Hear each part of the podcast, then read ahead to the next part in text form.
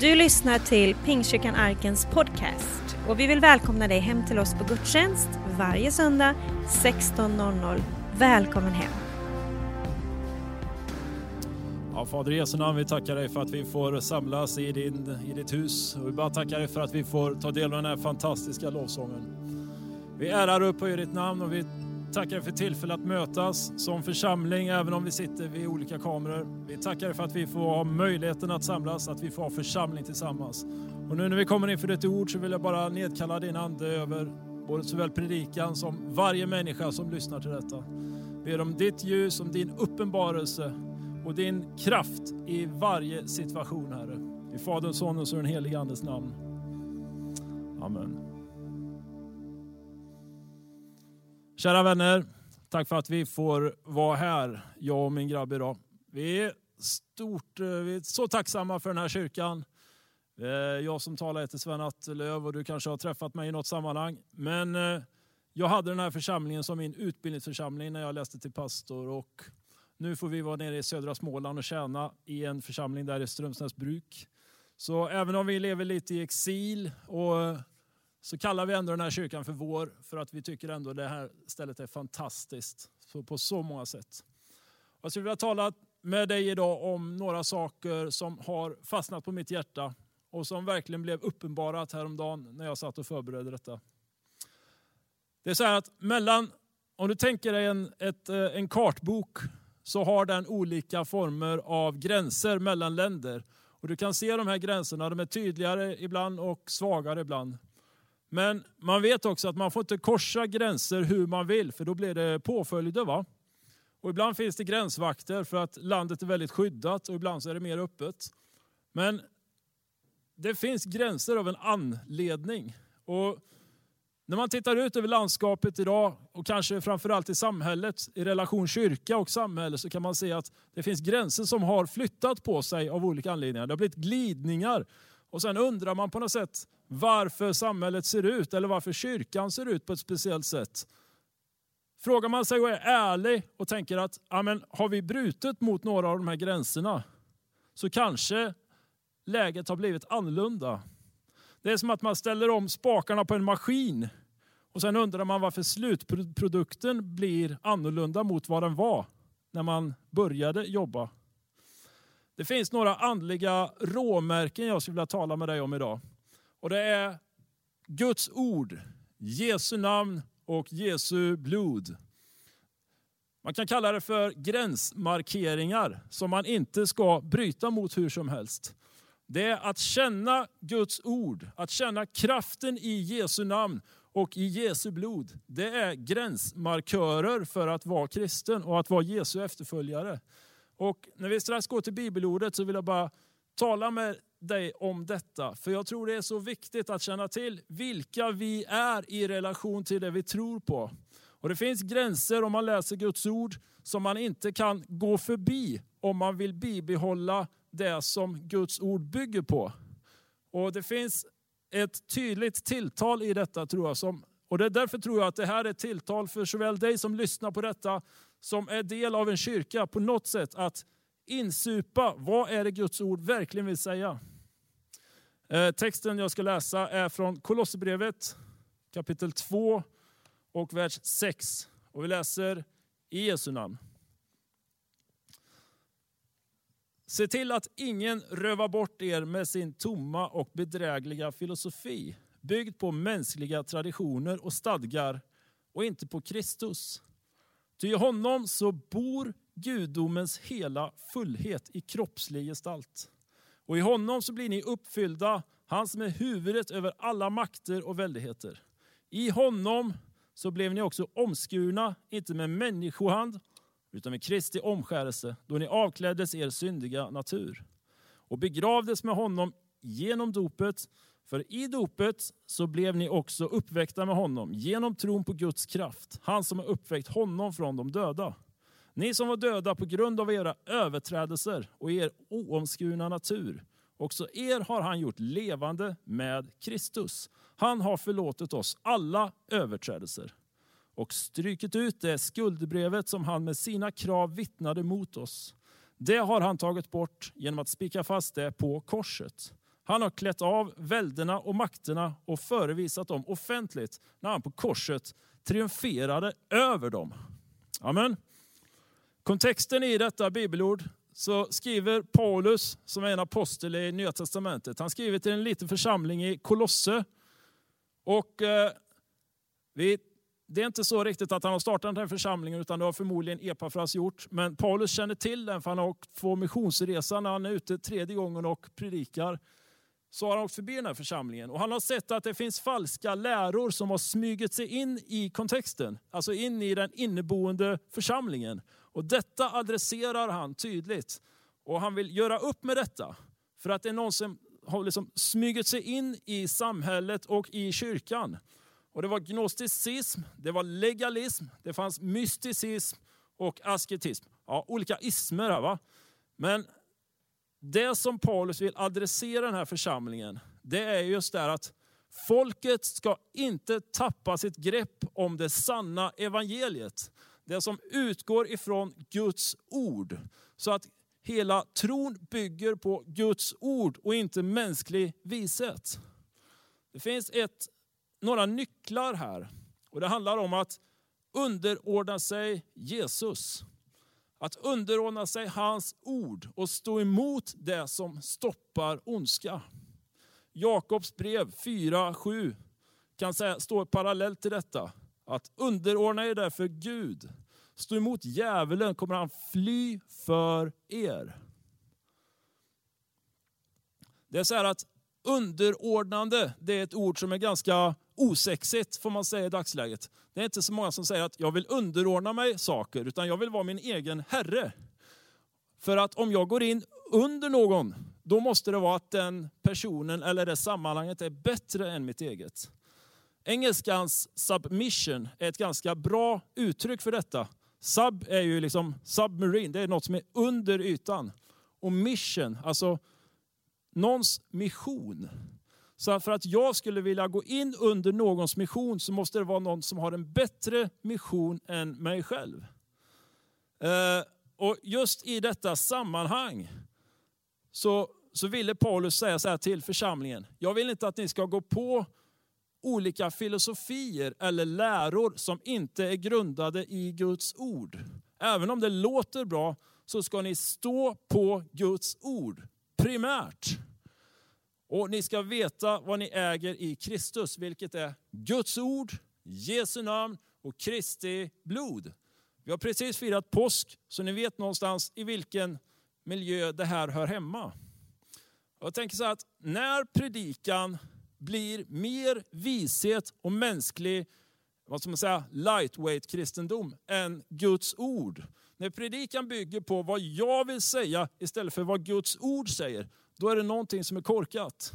Jag och min fru brukar säga så att när predikan är mer pyttipanna än biff, då blir man inte mätt.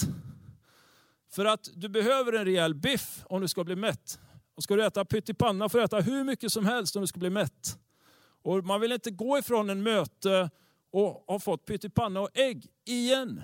Man vill ha någonting som mättar och bygger livet. Okay? Så motsatsen till att bli fängslad av bedrägliga vishetsläror och religiösa föreställningar, det är att stå på Guds ord och förstå kraften bakom detta. Det är motsatsen till att slå nes, slås ner av legalism. Alltså legalism det är liksom lag till fördel för evangelium.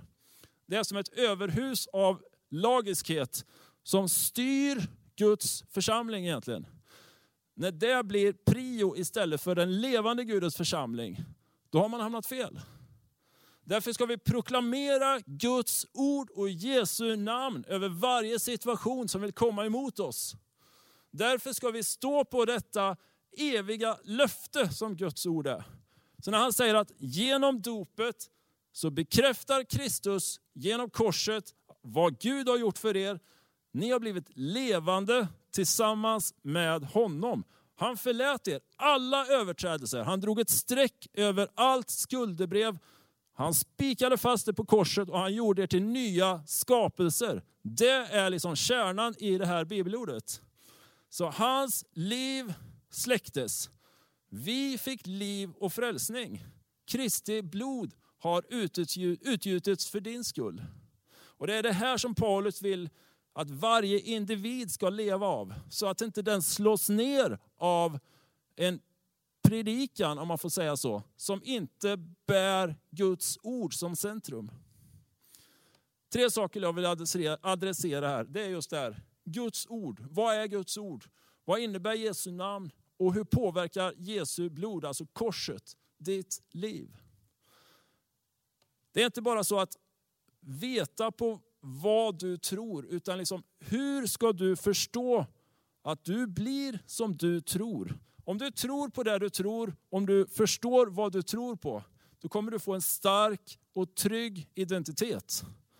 I första Moseboken så talar Gud om att han formade hela skapelsen genom sitt ord. När han talade så skapade han. Så därför förstår vi att ord skapar otroligt mycket.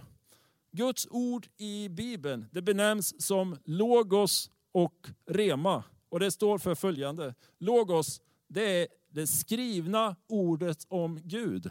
Det är Gud som uppenbaras genom Bibeln. Det är liksom Guds princip, standard, logik, hur han skapar. Så att förstå Guds ord, det är att förstå Guds vilja. Det ger dig styrka att förstå vad Gud säger.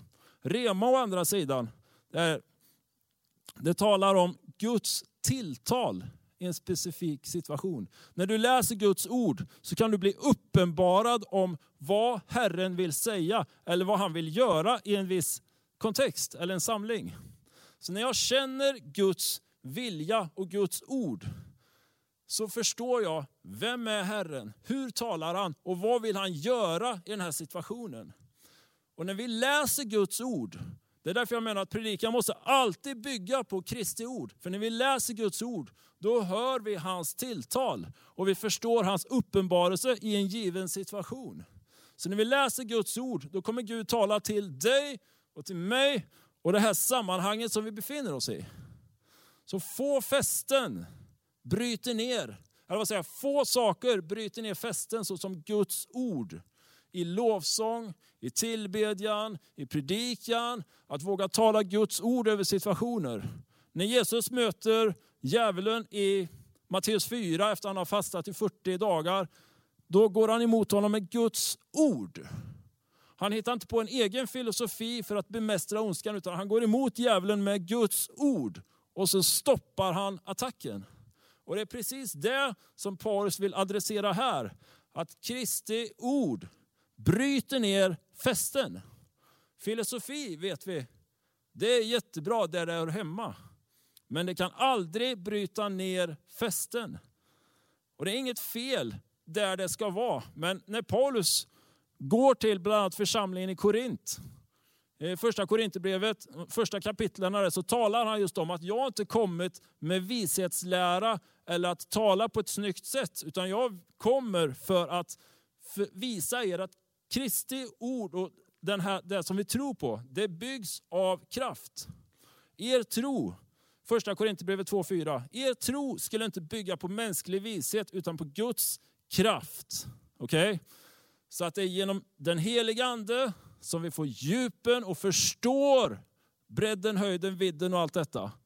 Men det är Guds kraft som är liksom herbergerar det vi tror på. Okej? Okay? Så det jag vill säga är att du behöver inte bara tro på detta, du behöver förstå detta. Det är inte bara en intellektuell tro, det är också en, ska vi säga, det bottnar i hjärtat. Ibland så talar vi om att jag förstår detta mänskligt sett, men har du upplevt det eller har det landat? Det är så, det är så mycket, om vi ska säga så här, predikan inom citationstecken som landar i våra liv idag. Det finns mängder av Youtube-predikanter som aldrig står ansvarig inför någon pastor. Det finns jättemycket förkunnelse både i kyrkor och på nätet som är helt bottenlöst och saknar konsistens. Vi övertygar oss många gånger att om vi blåser upp en jätteballong så att alla människor ser det, då har vi rörelse. Vi samlar mängder med folk och så säger vi nu har vi väckelse. Men egentligen så är det bara jättemycket folk vi har samlat. Väckelse som vi säger, det är liksom när människor uppenbaras av evangeliet, av Guds kraft, av smörjelsen. När vi tappar detta, då tappar vi det som är essensen av vår tro. Då kan vi bygga upp hur många luftslott som helst, men vi har ingen väckelse för att vi samlar 100 pers eller 500 pers. Vi har väckelse när människor är uppenbarade av Guds kraft och när livet påverkas och förvandlas av Kristi ord. Då har vi någonting att tala om som är rörelse.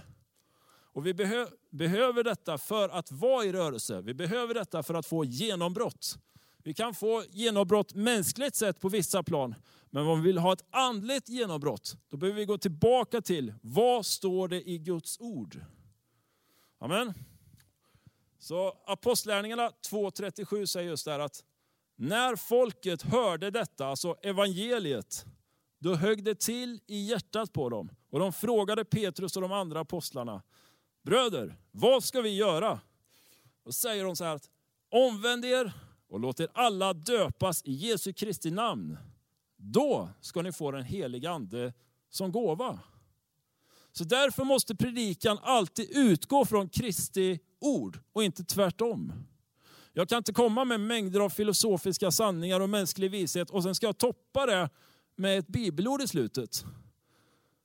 Utan förkunnelsen måste alltid utgå ifrån vad säger Guds ord? Gud talar hela tiden genom sitt ord och genom att läsa ut det så hör vi också Guds röst. Här finns livet, här finns kraften, här finns friheten. Att proklamera Guds ord måste vara en prio i varje möte. Så vi ska vara en rörelse som lever på Guds ord och proklamerar hans namn genom allt. Från lovsång till tillbedjan, till förkunnelse, till förbön. På kyrktorget, var vi än befinner oss, så ska vi proklamera hans ord. Och jag skulle vilja åberopa vår identitet som pingströrelse.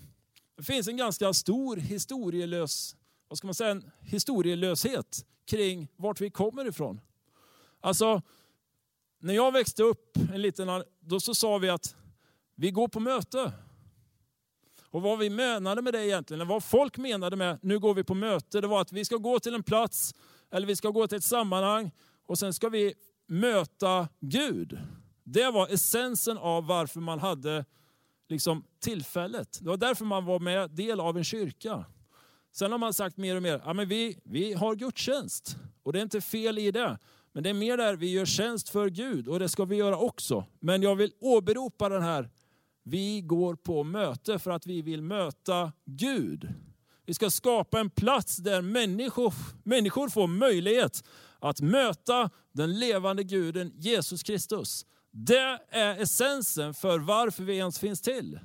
Annars så blir vi bara en mysklubb som har massor med leksaker.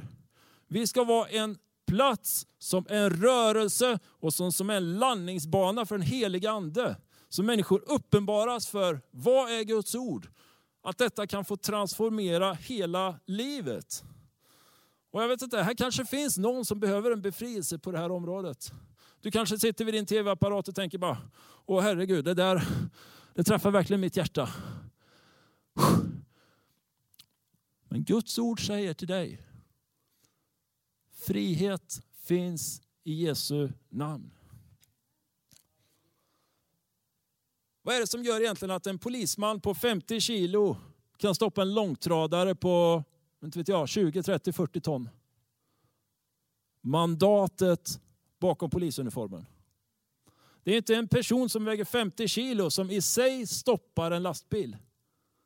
Utan det är för att det står polis på bröstet. Och då vet personen i fråga, okej okay, det är en högre auktoritet bakom den här dräkten än bara den här lilla figuren.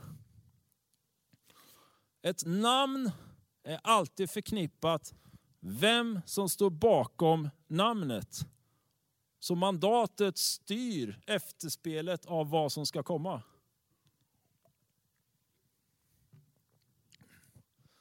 Det är ju så här att Gud har givit oss rättigheten som kristna att åberopa Jesu namn.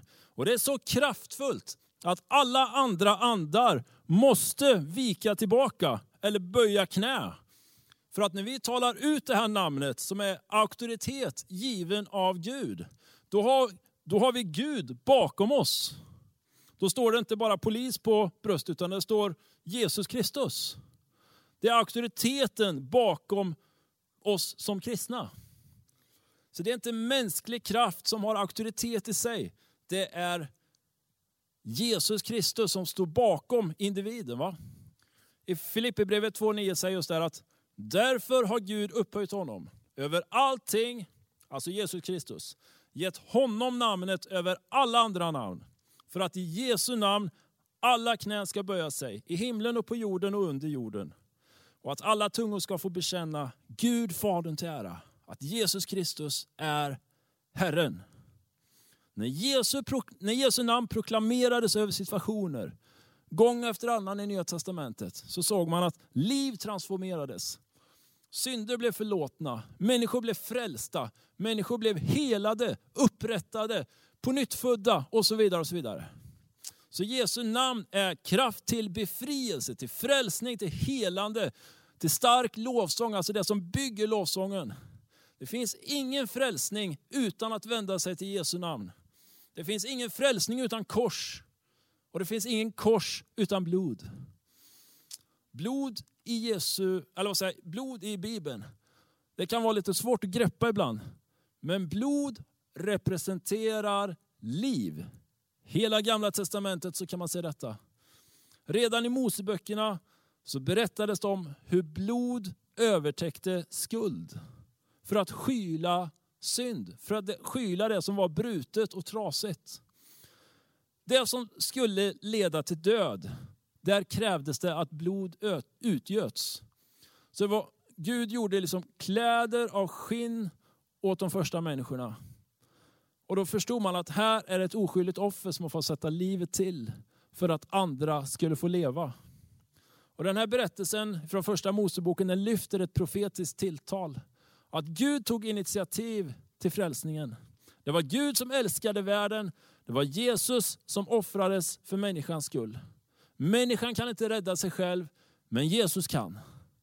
Jesus kunde möta människan. Han kunde leva rent. Han kunde visa på ett liv som trumfade det, brust, det, bristna, vad ska säga, det bristfälliga livet. Och han kunde ta detta på sig eftersom han var synd och skuldfri. Så den som bekänner Jesu Kristus, den som bekänner Jesu kors, alltså blodet egentligen som det här får symbolisera, vinner liv. Jag vill att du ska förstå det här, att den som bekänner Jesu Kristi kors i sitt liv vinner livet. Livet läggs på synden. Synden försvinner. Du står kvar som en segrare med liv. Så Guds uppdrag i världen, han skickade Jesus för detta. Men Gud kom också med ett genombrott i världen. För att visa på ett nytt liv. För att visa på ett vinnande liv. På ett övervinnande liv. Och det var hans plan, att liksom frälsa inte bara människor här och där, utan hela världen. Och han vill bygga ett nytt rike tillsammans med dig. Frågan är, var står du inför det vägvalet? Så blodet är kraften i och bakom korset. Blodet är alltid en proklamation i såväl predikan, i förbön, i, inför befrielse, i lovsång, från hälsa till liv. Det är liksom djävulens kryptonit. Att bekänna Kristi kors över en situation, det är att gå emot ondskan med full kraft och skicka kryptonit som in mot Stålmannen, om ni förstår bilden.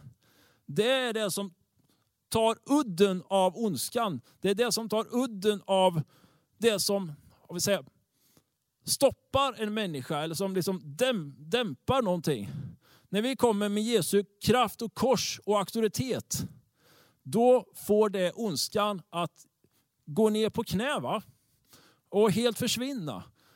Om vi står inför en situation eller om jag står tillsammans med någon som vill ha förbön och jag lägger händerna på den personen och jag proklamerar Jesu ord, Jesu namn, Kristi kors över denna situation, då får det ondskan att ge vika. Det här har vi Guds löften på. Därför behöver vi inte känna att i egen kraft måste jag göra allt detta, utan jag gör det som står i Guds ord.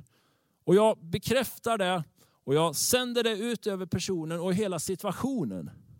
Så tror vi Gud om en ny tid. Så en kristen som proklamerar Kristi blod över omständigheter bär auktoriteten från Gud. Så därför ska vi proklamera blodet i lovsång, i tillbedjan, i predikan. Vi kan inte filosofiskt avkräva ondskan herravälde. Men genom Kristi ord, på grund av Jesu namn, på grund av påsken, alltså Kristi blod, så måste ondskan ge vika. Jag tänker, vad, vad, är detta? vad är detta i vår tid? Är detta liksom, vad hade Kolosserbrevet med Värnamo 2021 att göra? Eller vad hade Kolosserbrevet för 2000 år sedan jämfört med Tibro där jag kommer ifrån att göra?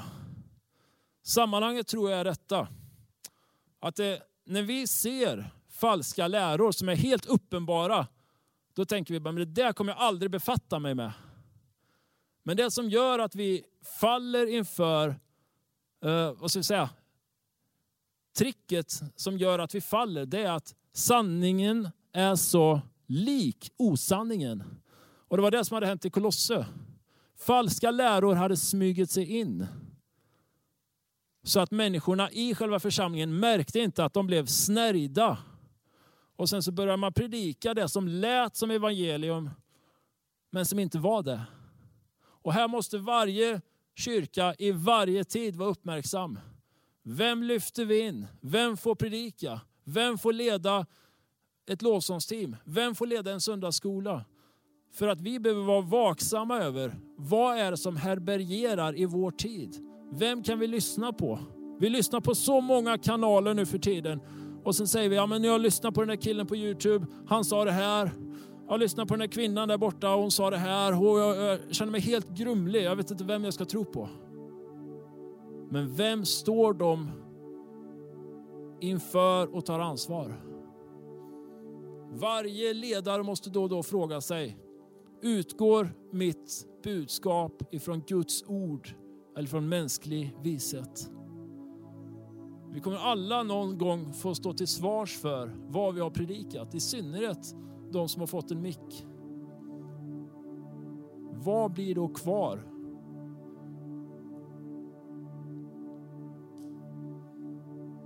Frälsningsarméns grundare William Booth han sa så här någon gång i slutet av sin karriär, eller av sin predikotjänst. Den stora faran för kristenheten på 2000-talet, och jag läser till kommer vara religion utan helig ande, förlåtelse utan ånger och frälsning utan omvändelse. Det finns så många liknande läror som vill få oss att tro att vi kan vända oss till Guds ord eller till tro intellektuellt, men vi behöver aldrig göra en omvändelse. Att bekänna Jesu kors, att bekänna Jesu ord eller kraften i och auktoriteten i Guds ord. Det är att mitt liv måste få en omvändelse och mitt liv behöver peka i linje med Guds ord. Jag behöver göra en omvändelse bort från mina egna åsikter för att gå in under Kristi kors, Kristi ord. Det finns så mycket som står emot Guds ord nu för tiden. Och vi behöver se upp med, var är jag i allt detta? Man ska inte behöva gå på en kyrka och höra ett motivationstal, utan du ska höra en predikan. Alltså predikan inom citationstecken kan inte vara byggd på mänsklig vishet, det ska vara byggt på Guds ord. Guds ord är maten, brödet, livet för varje kristen person. Och i detta så är bönen helt avgörande och central. Ordet, namnet, blodet. Tacka Gud för dessa ting. Tacka Gud för dessa gränsmarkeringar, för dessa råmärken. Och ska vi avslöja falska agendor, så behöver vi stå under denna auktoritet. Att gå in under denna ram, om man får säga så. Att tacka Gud för att du är frälst. Förlåt eventuella oförrättigheter. Åberopa Jesu blod över situationer som du inte är herre över. För du står inte under syndens förbannelse, du står under Kristi seger på korset. Och det ska du aldrig glömma av. Du är fri genom Jesu Kristus, genom hans namn, genom hans ord, genom hans kors. För djävulen kommer avsky sanningen och kommer försöka lura dig i vilken riktning som helst. Men korset är vårt centrum. Det är nyckeln till segern. Därför ska du tala seger över ditt liv, över din situation, över din familj, över din omständighet, över ditt företag, över dina anställda. Tala seger över situationer som du inte förstår hur du ska lösa på något annat sätt. För den delen, ta alltid med dig Jesus in i varje situation. Bönen är lösningen. Bönen är vad som återupprättar. Bönen är vad som löser svårigheter. Bönen är också vad som proklamerar sanningen om evangeliet. Sanningen om relationen med Gud. Amen. Be, be en kort bön tillsammans med dig innan vi går vidare i mötet. Fader i Jesu namn, jag tackar dig för att vi får samlas. Men tack för, för, för, för, framför allt för att du har gett oss ditt ord. Att ditt namn är starkare än alla andra namn. Och för att ditt kors utplånar all synd alla oförrätter, all brustenhet och all tvivel. Tack för att vi får åberopa ditt namn i varje situation. Att vi vill gå emot all form av fuskevangelium och bara peka på ditt ord som är lösningen till seger. Det som bekräftar vår tro. Fader i Jesu namn, jag tackar för varje människa som har lyssnat på detta, som tänker att oj, det här kanske var någonting till mig. Jag ber Herre att vi har frihet i Jesu namn. Vi har frihet genom Jesu namn, genom vem du är och vad du har gjort för oss Herre. Fader i Jesu namn, tack för varje människa som lyssnar på detta. Som vänder sig till dig. Vi ber om ett nytt liv och en ny möjlighet för hela livet. I Faderns, Sonens och den helige Andes namn. Amen. Du har lyssnat på söndagens predikan från Pingstkyrkan Arken i Värnamo. Vill du komma i kontakt med oss eh, hittar du oss på arkenvemo.se. Välkommen hem till oss!